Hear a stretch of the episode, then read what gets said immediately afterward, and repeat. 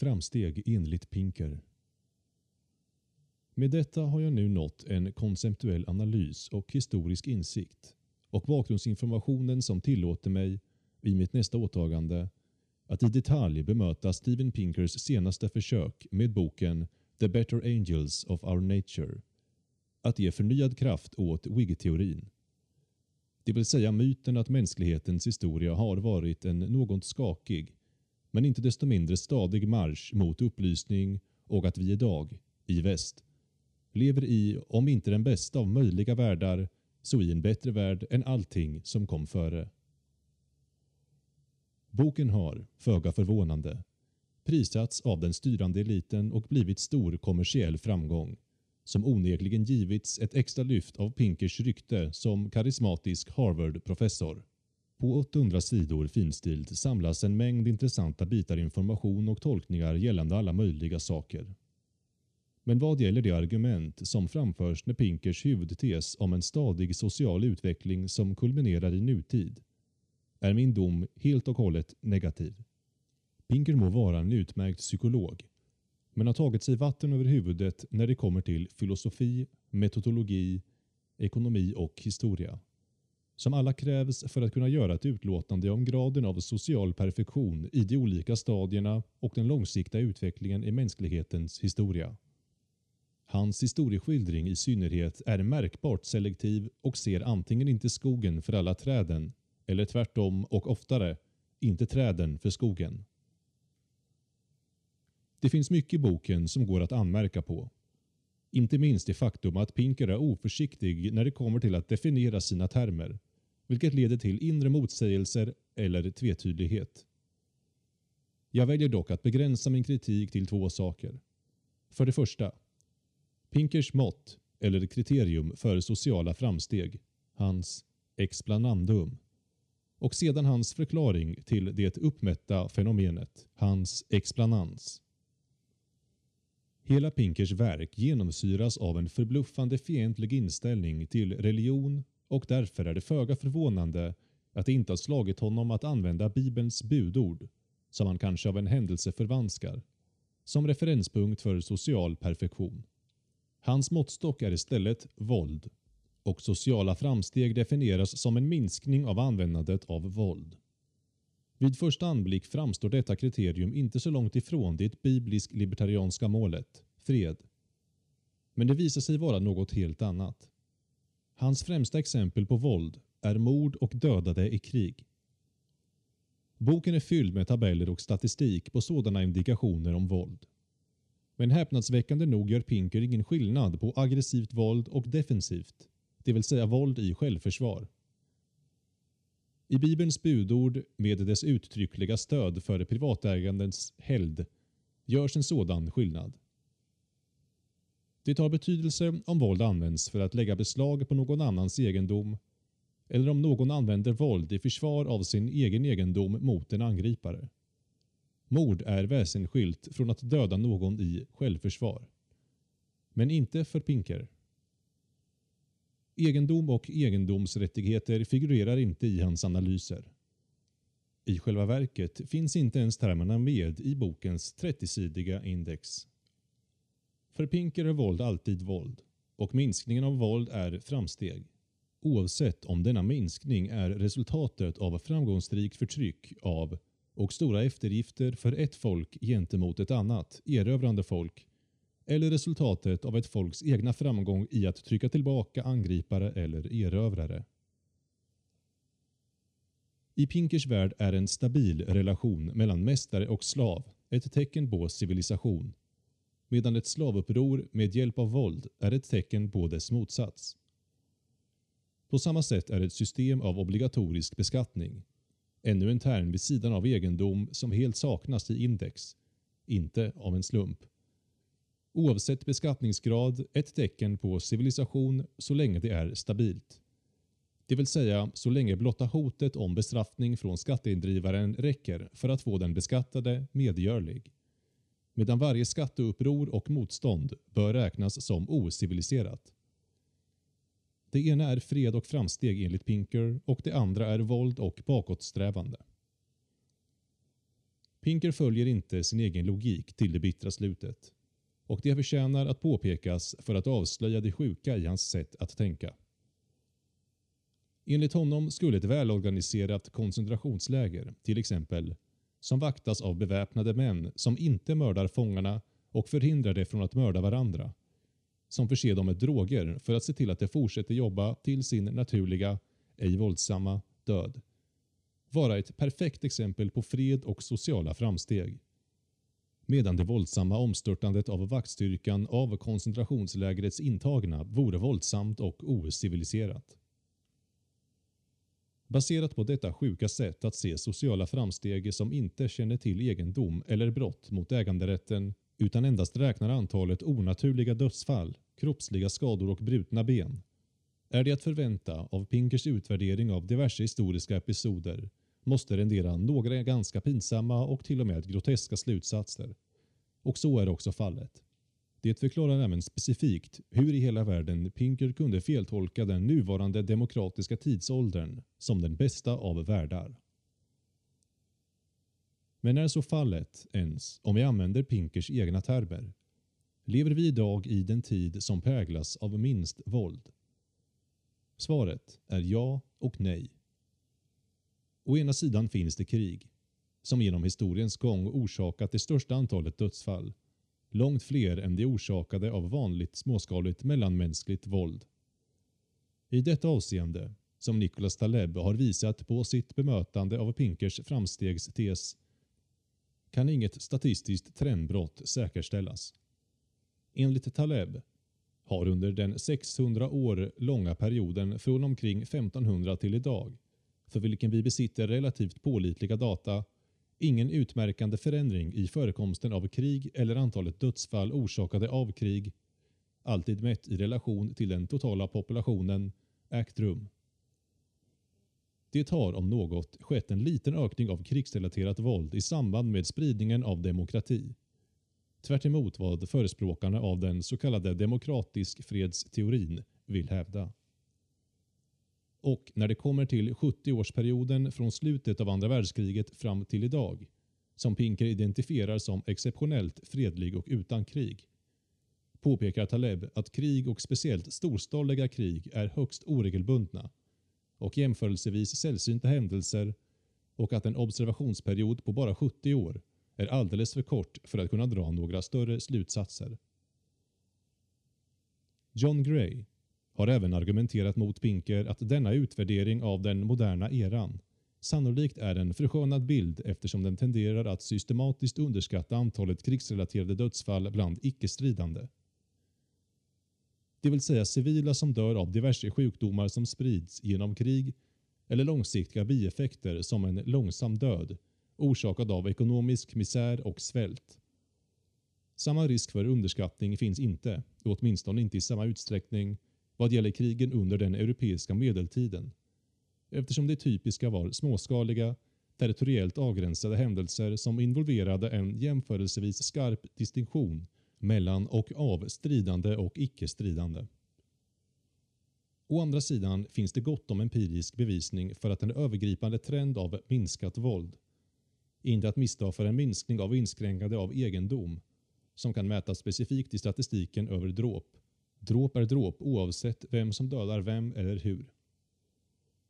I detta utommoraliska eller amoraliska avseende kan vi tala om en civiliserande process, vilket Pinker gör och demonstrerar i minsta detalj. Pinker hämtar denna term från Norbert Elias bok The Civilizing Process, som gavs ut på tyska år 1939 och översattes till engelska 30 år senare. I denna bok beskriver Elias och försöker ge en bakgrund till förändringen i dagligt beteende. Från bordsskick till sexuella normer som skedde under och med början i den europeiska medeltiden. Kort sammanfattat kan denna process beskrivas som den stegvisa övergången från ofint, grovt, plumpt, buffligt, oanständigt och obehärskat etc. beteende till allt mer förfinat, kontrollerat, hänsynsfullt, anspråkslöst och tempererat beteende. Pinker generaliserar och expanderar helt enkelt Elias civiliseringstes från etikett till allt som rör det vardagliga livet och samtliga beteenden och lyckas ganska bra med detta, enligt min bedömning. Men Pinkers förklaring till denna utommoraliska eller amoraliska form av sociala framsteg från ofint till allt mer förfinat beteende är i grund och botten felaktig. Vad han pekar ut som den huvudsakliga drivkraften bakom denna utveckling, och jag återkommer till detta, har i själva verket, om något, försenat och förvrängt denna utveckling. Det vill säga utan Pinkers orsak skulle det inte ha funnits mindre, utan mer och betydligt annorlunda förfinat beteende. I själva verket kan den övergripande långsiktiga historiska utvecklingen mot mer förfinat och mindre ofint beteende förklaras enkelt nog som den kvasinaturliga biprodukten av en allt större och fördjupad arbetsdelning i spåren av ekonomisk och teknisk utveckling. Utvecklingen av allt fler och olika produktionshöjande verktyg och instrument föregick hand i hand med utvecklingen och diversifieringen av hantverk, förmågor och talanger. Kortfattat. Betydelsen av muskler som förutsättning för ekonomisk framgång minskade i förhållande till hjärna, fysisk finess och mental kvickhet. Dessutom, som jag har försökt presentera i min bok A Short History of Man, specifikt under maltusiska förhållanden som varat under större delen av mänsklighetens historia, läggs en systematisk fördel vad gäller ekonomisk framgång och mänsklig överlevnad på en ökad mänsklig intelligens. Låg tidspreferens, impulskontroll och tålamod. Personlighetsdrag som är åtminstone delvis ärftliga och således förs vidare till nästkommande generationer. Pinkers förklaring till denna utveckling mot förfiningen av mänskligt beteende är dock en väldigt annorlunda sådan. Hans förklaring till denna utveckling är staten. Det vill säga en territoriell monopolist på högsta beslutsfattande och han påstår att det mest avgörande och oumbärliga steget i utvecklingen mot förfiningen av mänskligt beteende har varit övergången från en statslös samhällsordning till en statlig samhällsordning. I detta har han inte helt fel. Givet att hans definition av utveckling är en utom eller amoralisk sådan. Stater, och mer specifikt demokratiska stater, är såklart den bakomliggande orsaken till många avgörande drag och observationer av våra nutida mänskliga beteenden och rutiner. Bara det att många eller de flesta av dem har lite eller ingenting att göra med moraliska framsteg som står i direkt kontrast till Bibelns tio budord. Våld, som det är definierat av Pinker, kan mycket väl ha minskat. Bara det att våldsanvändningen har blivit så förfinad och omdefinierad under statens översikt att den inte längre faller under Pinkers snäva definition av termen. Häxor, till exempel, bränns inte längre våldsamt på bål utan skickas till synes fredligt till psykiatriavdelningen där de drogas och oskadliggörs av medicinsk personal.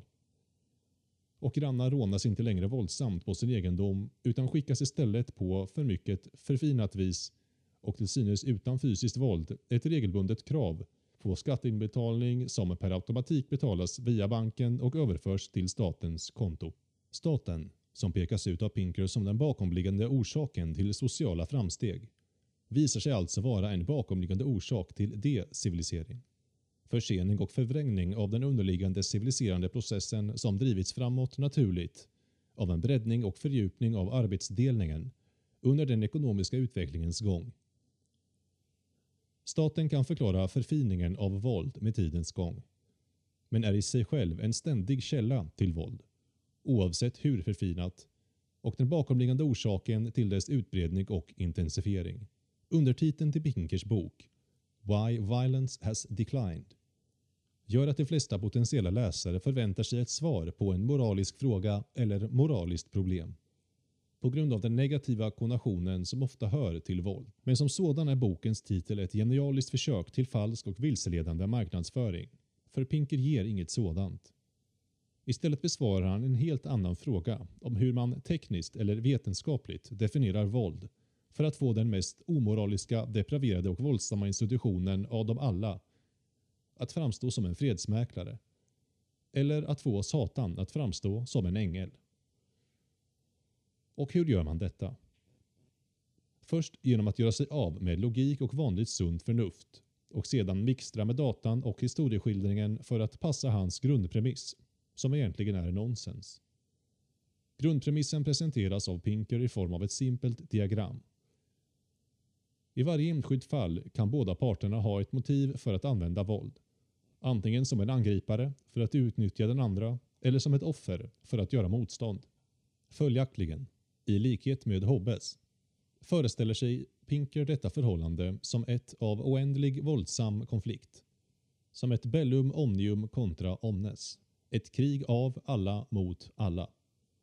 Men mirakulöst nog finns det ett botemedel mot detta problem.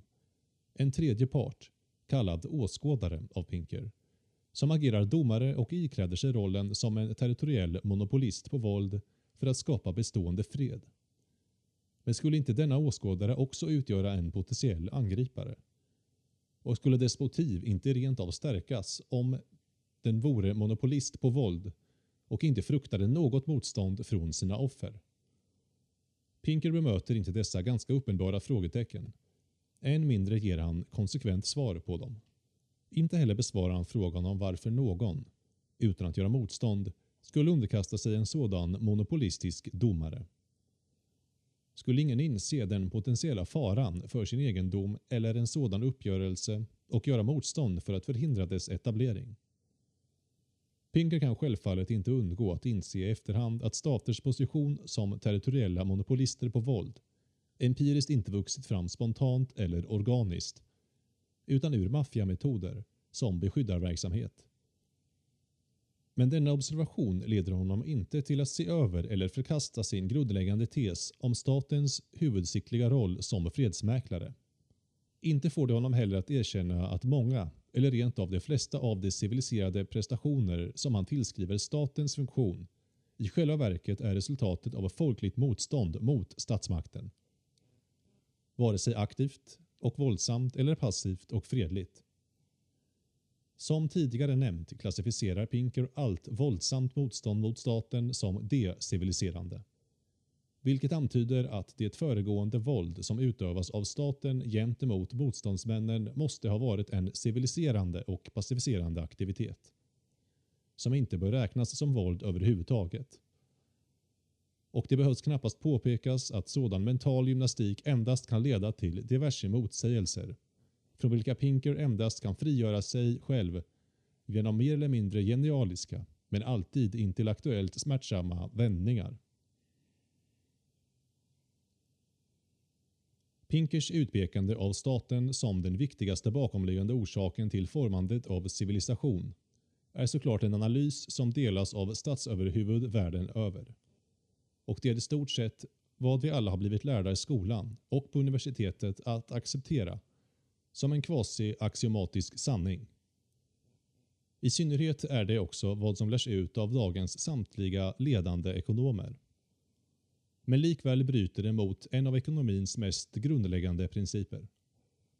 Produktion under ett monopol leder alltid till högre priser och lägre kvalitet oavsett vad som produceras jämfört med samma produktion utsatt för konkurrens.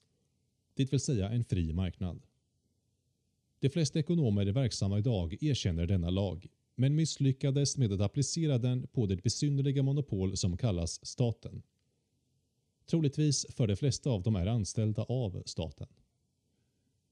Men det gäller även staten oavsett hur man väljer att beskriva den produkt den producerar. Om vi beskriver staten, som Pinker väljer att göra, som en territoriell monopolist på fredsstiftande då kommer freden som den stiftar vara dyrare och av lägre kvalitet. Om vi beskriver den som en monopolist på rättsskipning, då kommer rättvisan den skipar att vara dyrare och av lägre kvalitet. Om vi beskriver den som en våldsmonopolist, då kommer våldet vara dyrare och av sämre kvalitet. Eller om vi beskriver den, som jag anser bäst, som en territoriell monopolist på expropriering med uppdraget att skydda egendom då kommer vi förutsägbart nog få mycket expropriering som gynnar monopolisten och lite beskydd som bara utgör en kostnad för staten. I vilket fall är resultatet alltid detsamma. Och Pinkers tes gällande staters civiliserande effekt måste därför förkastas enbart på logisk grund. Pinkers empiri Men vad gäller då Pinkers empiri? Logik kan inte motbevisas av empirisk data. Men om man bortser från logiken är det ofrånkomligt att man misstolkar den empiriska datan. Pinker ger oss en hel drös av empiriska data, tabeller och grafer av intresse. Jag har mina invändningar, men accepterar de alla här för argumentets skull. Min kritik riktar sig enbart mot hans tolkning av hans data. Jag kan i själva verket, som jag nämnde förut, tolerera hans generaliserande Elias-tes gällande den civiliserande processen från ofint till mer förfinat beteende. Men baserat på logik skulle jag tolka den annorlunda. Oavsett vilken civiliserande process som verkar skedde den inte på grund av staten, utan trots staten eller rent av som en motreaktion på staten. Och oavsett vilken deciviliserande process som verkar skedde den inte på grund av avsaknaden av staten, utan trots dess avsaknad eller som en kvarröjande rest från en tidigare, nu upplöst stat och dess tidigare deciviliserande tendenser. Post hoc antyder inte propter hoc.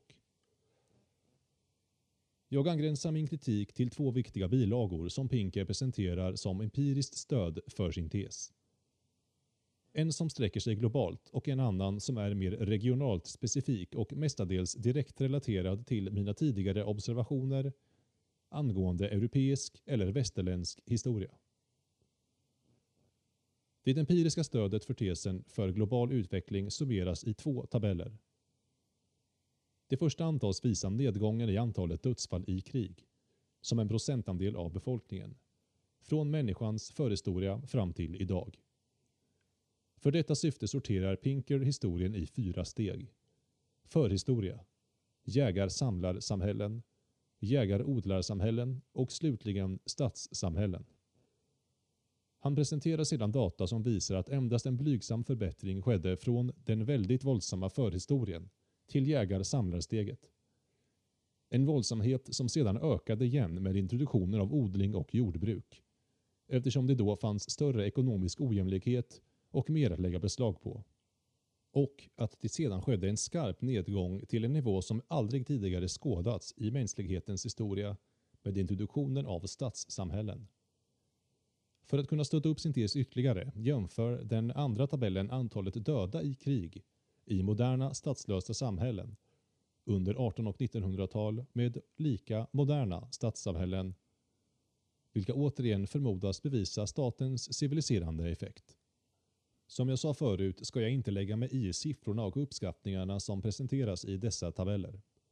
Förutom att varje beräkning av människans förhistoria och de väldigt avlägsna jägar-, samlar- och odlarstegen i mänsklighetens historia måste tas med en rejäl nypa salt. Arkeologiska fynd bestående av krossade skallar, till exempel, kan vara grund för en uppskattning av våld vid specifika platser och tidpunkter och du kan sedan skala upp sådana beräkningar för att passa den beräknade totala befolkningsmängden i världen vid den tiden. För att sedan dra slutsatser om förekommande dödligt våld vid en given tidpunkt eller historisk period. Men vad du inte kan göra, och som av ganska uppenbara tekniska skäl, åtminstone ännu, är närmast omöjligt, är att bevisa att just ditt stickprov är ett representativt slumpmässigt stickprov utifrån vilket det vore korrekt att applicera ens egna specifika fynd på befolkningen som helhet. Men det huvudsakliga skälet till att Pinkers data inte lyckas visa på vad han vill visa på är en annan. I sitt försök att jämföra statslösa samhällen med stadssamhällen jämför han vad som inte kan jämföras. Hans exempel på statslösa samhällen, oavsett om det gäller antika eller moderna sådana, hänvisar närmast uteslutande till några avlägsna stammar utanför Europa. Eller i några sällsynta europeiska fall till stammar som levde tusentals år före den kristna eran. Och alla har det antagligen bokstavligen dött ut eller i vilket fall inte lämnat något bestående till historien. Vilket gör det närmast omöjligt att idag spåra något nuvarande samhälles genealogi tillbaka till dem och dess historiska föregångare. Alla exempel på stadssamhällen är däremot tagna från Europa och väst, där genealogin med enkelhet kan spåras i hundratals och till och med tusentals år tillbaka. Självklart kan sådan jämförelse endast resultera i en opartisk slutsats om att man gör antagandet att den enda relevanta faktorn som utmärker europeer, eller västerlänningar, från folken tillhörande Pinkers olika stammar är närvaron av en stat kontra frånvaron av en stat. Och att människor annars är de samma, med samma fysiska och mentala uppbyggnad och anlag. Pinker nämner aldrig uttryckligen detta, för hans eget argument avgörande antagande. Troligen eftersom det skulle kasta en lång skugga över giltigheten i hans slutsats. I själva verket finns det oräkneliga empiriska studier inom många grenar som visar på hur felaktigt hans antagande är. Avsevärda skillnader existerar i den fysiska och mentala uppbyggnaden och anlagen hos olika folk. Europeer, eller mer generellt västerlänningar, är bestämt inte samma sorts människor som Pinkers stamfolk. Och med detta faller hans framgångstes första empiriska bevisning. Hans bevis bevisar ingenting. Dessutom missar Pinker mänsklighetens träd för den globala mänsklighetens skog i ett avseende till. För enligt hans egen data finns det också några statslösa samhällen, även om de är få, som når upp till eller till och med överträffar den fridfullhet och fred som uppnåtts av stadssamhällena. En kort sidoreplik. Pinker kanske inte ens är medveten om att någon slags falskt antagande om mänsklig jämlikhet är nödvändigt för att göra denna poäng. Men han antar det i vilket fall, om och om igen, om än underförstått. Pinker är en egalitär på djupet, vilket visar sig speciellt i hans öppna sympatier för den utveckling som medförts av den så kallade medborgarrättsrörelsen och den ädle Dr. Martin Luther King samt en av historiens största statsmän, Nelson Mandela. Oaktat de båda männens välkända kommunistkopplingar. Pinker är inte en extrem egalitär såklart. Han gör skillnad på kön, ålder, ras och klass. Och han är väl medveten om den ojämna fördelningen av diverse mänskliga drag och fallenheter i samhället vad gäller intelligens, flitighet, impulskontroll, social färdighet etc. Men som en politiskt korrekt progressiv kan han inte gå så långt som att erkänna att denna ojämna fördelning av mänskliga drag och fallenheter också kan skilja mellan samhällen. Med Pinkers första globala empiriska bevis avklarat tar vi oss an det regionala. Här härstammar all data från Europa och på så vis undviker man risken för inkompabilitet i jämförelsen. Pinker ägnar tio sidor åt att göra detta anförande och den avgörande informationen kortas ner till en enda graf som föreställer dödsgraden i konflikter i Europa mellan 1400 och år 2000. Denna graf visar dock raka motsatsen till Pinkers framgångstes. Vad den visar är att den lägsta perioden av relativ fred och låga nivåer av våld var de 200 år från 1400-talets början till slutet av 1500-talet. Men denna period faller precis inom den längre perioden av europeisk medeltid och sammanfaller med dess slut. Och medeltiden, som jag hävdat förut, är en av första klassens exempel på en statslös samhällsordning. Intressant nog instämmer Pinker med denna analys av medeltida Europa som statslöst, men misslyckas sedan med att se att denna analys utgör, enligt hans egen data, en empirisk motbevisning av hans tes. Och det blir än värre för Pinker. Enligt samma graf för den efterföljande historiska perioden från sen 1500-tal och till vår tid karaktäriseras av stora toppar i användandet av våld. Den första toppen, från sent 1500-tal till freden i Västfallen 1648, beror i stort sett på 30-åriga kriget. Den andra, från sent 1700-tal till 1815, och som är något mindre än den föregående, beror på franska revolutionen och Napoleonkrigen. Och den tredje och största toppen från 1914 till 1945 beror på 1900-talets båda världskrig. Även för alla perioder dessemellan ligger våldet långt över medeltidens nivå. En nivå som nåddes igen först tre århundraden senare, under perioden 1815 till 1914 och igen under efterkrigstiden. Allt som framstår post-medeltida Europa vad gäller våldsanvändningen är ganska deprimerande. Och trots att denna period i sin helhet, från 1500-tal till idag, Den era präglad av stater som Pinker anser vara drivkraften bakom den civiliserande processen. Pinker relaterar den första stora toppen i våldsanvändningen till religion och religiösa krig, när det i själva verket var krig för att bilda stater. Feodala kungar och prinsar som gjorde anspråk på titeln som absolut härskare förde krig för att lägga allt större territorier under sin suveräna kontroll. I denna strävan utnyttjade de den senaste schismen inom latinsk kristendom, i katoliker och protestanter, och det var de som uppfann termen religiösa krig. Om än bara för att dölja sitt egentliga syfte som var statsbildning, vilket hade lite, om något alls, att göra med religion. Den andra toppen sammanfaller med vändpunkten från monarkistiska till demokratiska stater och är resultatet av att Napoleons Frankrike använde krig i ett försök att försöka skaffa sig dominans över hela kontinentala Europa. Och den tredje och skarpaste toppen i våldsbruk sammanfaller med början på eran med fullt utvecklad demokrati och är resultatet av att Storbritannien och USA startar krig för att etablera världsherravälde. I sin tolkning av denna data försöker Pinker göra det bästa av ett anförande som är för honom dömt att misslyckas. Å ena sidan pekar han på, med hjälp av en andra graf, att antalet våldsamma konflikter minskade under hela perioden i samband med att antalet stater föll på grund av en territoriell konsolidering och centralisering. Ett stort antal småskaliga krig med ett fåtal dödsfall ersattes av ett litet antal storskaliga krig med massor av dödsfall. Men detta kan knappast liknas vid framsteg. Speciellt inte om man tänker på att antalet dödsfall som resultat av konflikter ökade under hela den etatistiska eran, samtidigt som antalet våldsamma konflikter minskade. För att rädda vad som är kvar av sin framstegstes tar Pinker till två argument. Först hävdar han att den större dödligheten i färre moderna krig inte har något med stater per se att göra, eller den territoriella expansionen och konsolideringen av stater, utan istället är ett stort sett slumpmässigt resultat av framstegen inom militär vapenteknologi. En tes som han överallt annanstans avvisar, när han konstaterar att teknikutvecklingen är i stort sett neutral i förhållande till bruket av våld.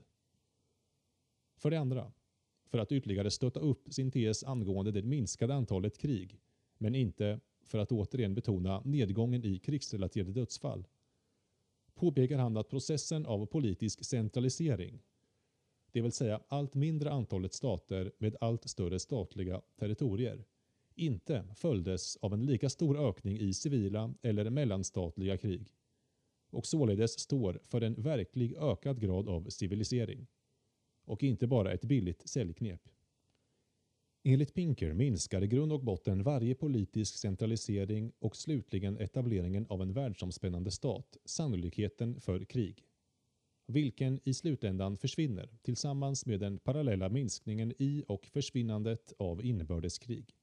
Kortfattat, stater civiliserar och en global stat civiliserar bäst. Eller omvänt. Varje secession deciviliserar och en fullständig frihet och fritt utträde deciviliserar mest.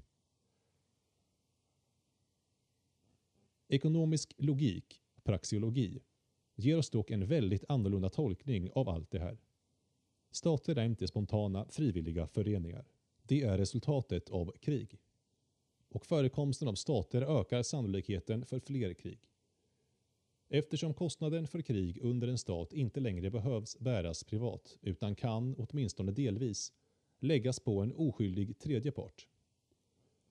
Att antalet krig då minskar i takt med att antalet stater faller och att det inte längre kan förekomma några mellanstatliga krig när antalet stater reduceras till en enda världsstat är inte mer än en definitionsfråga. Även om det är mindre förekommande. Ju längre framskriden processen av politisk centralisering och territoriell konsolidering är, det vill säga ju närmare det slutliga etatistiska målet med en världsstat vi befinner oss, ju dödligare kommer sådana krig att bli. Inte heller kan en världsstat leverera vad Pinker lovat. Det må vara sant att det per definition inte kan förekomma några mellanstatliga krig. För argumentets skull kan vi lika gärna gå med på att förekomsten av och antalet dödsfall i inbördeskrig också kan sjunka. Även om empiriska bevis för detta ser allt mer tvivelaktiga ut. Hur som helst är det enda som med all säkerhet kan förutsägas angående konsekvenserna av en världsstat detta. Med avskaffandet av konkurrens mellan stater, det vill säga ersättandet av en rad olika territoriella jurisdiktioner med diverse olika lagar, tullar, skatter och regleringar med en enda världsomspännande enhetlig jurisdiktion, försvinner all möjlighet att lämna en stat för en annan. Därav försvinner en oerhört viktig begränsning av statsmaktens tillväxt och expansion. Och kostnaden för produktionen av rättvisa, eller vad staten än säger sig producera, kommer som en konsekvens att öka till nya höjder, medan dess kvalitet sjunker i botten. Det kanske, eller kanske inte förekommer mindre våld definierat av färre brutna ben alla Pinker.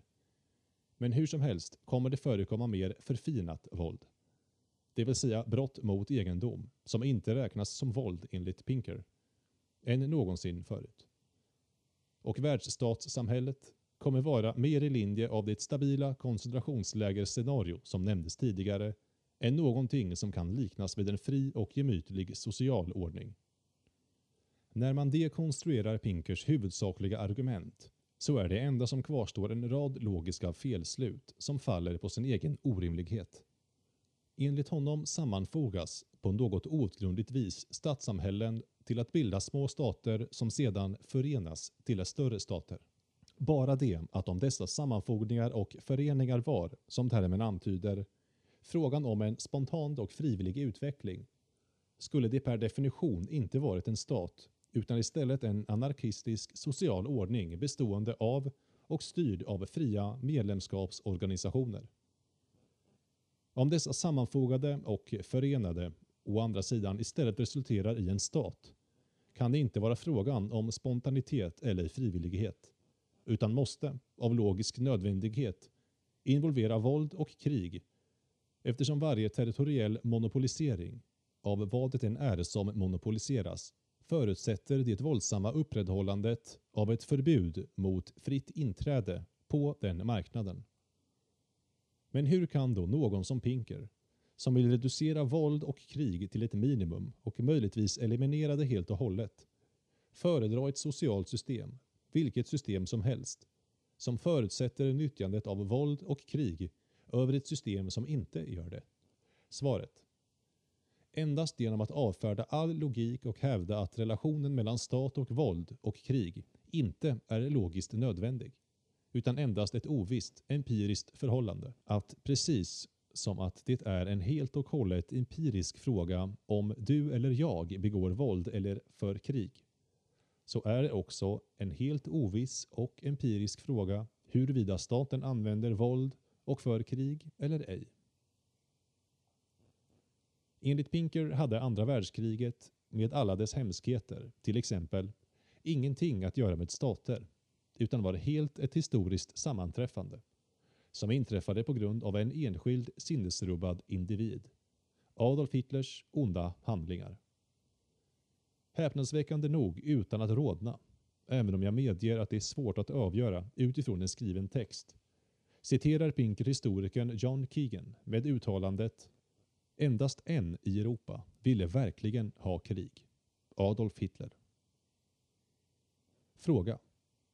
Hur mycket ondska kan en enskild sinnesrubbad individ åstadkomma utan en centraliserad stat?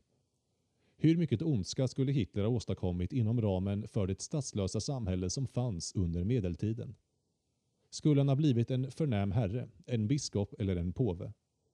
Hur mycket ondska skulle han ha åstadkommit ens med tusen ministater som Liechtenstein, Monaco eller Singapore? Svaret? Inte mycket och sannoliken ingenting jämfört med den ondska förknippad med andra världskriget. Det stämmer alltså inte med ingen Hitler, ingen Churchill, ingen Roosevelt eller Stalin och därmed inget krig. Som Pinker vill få det till, utan snarare ingen centraliserad stat och därmed ingen Hitler, Churchill, Roosevelt eller Stalin. Ta bort staten ur ekvationen och det kanske hade blivit en Jack the Ripper Charles Ponzi eller till och med harmlösa människor. Men inte massmördande monster som vi känner dem som.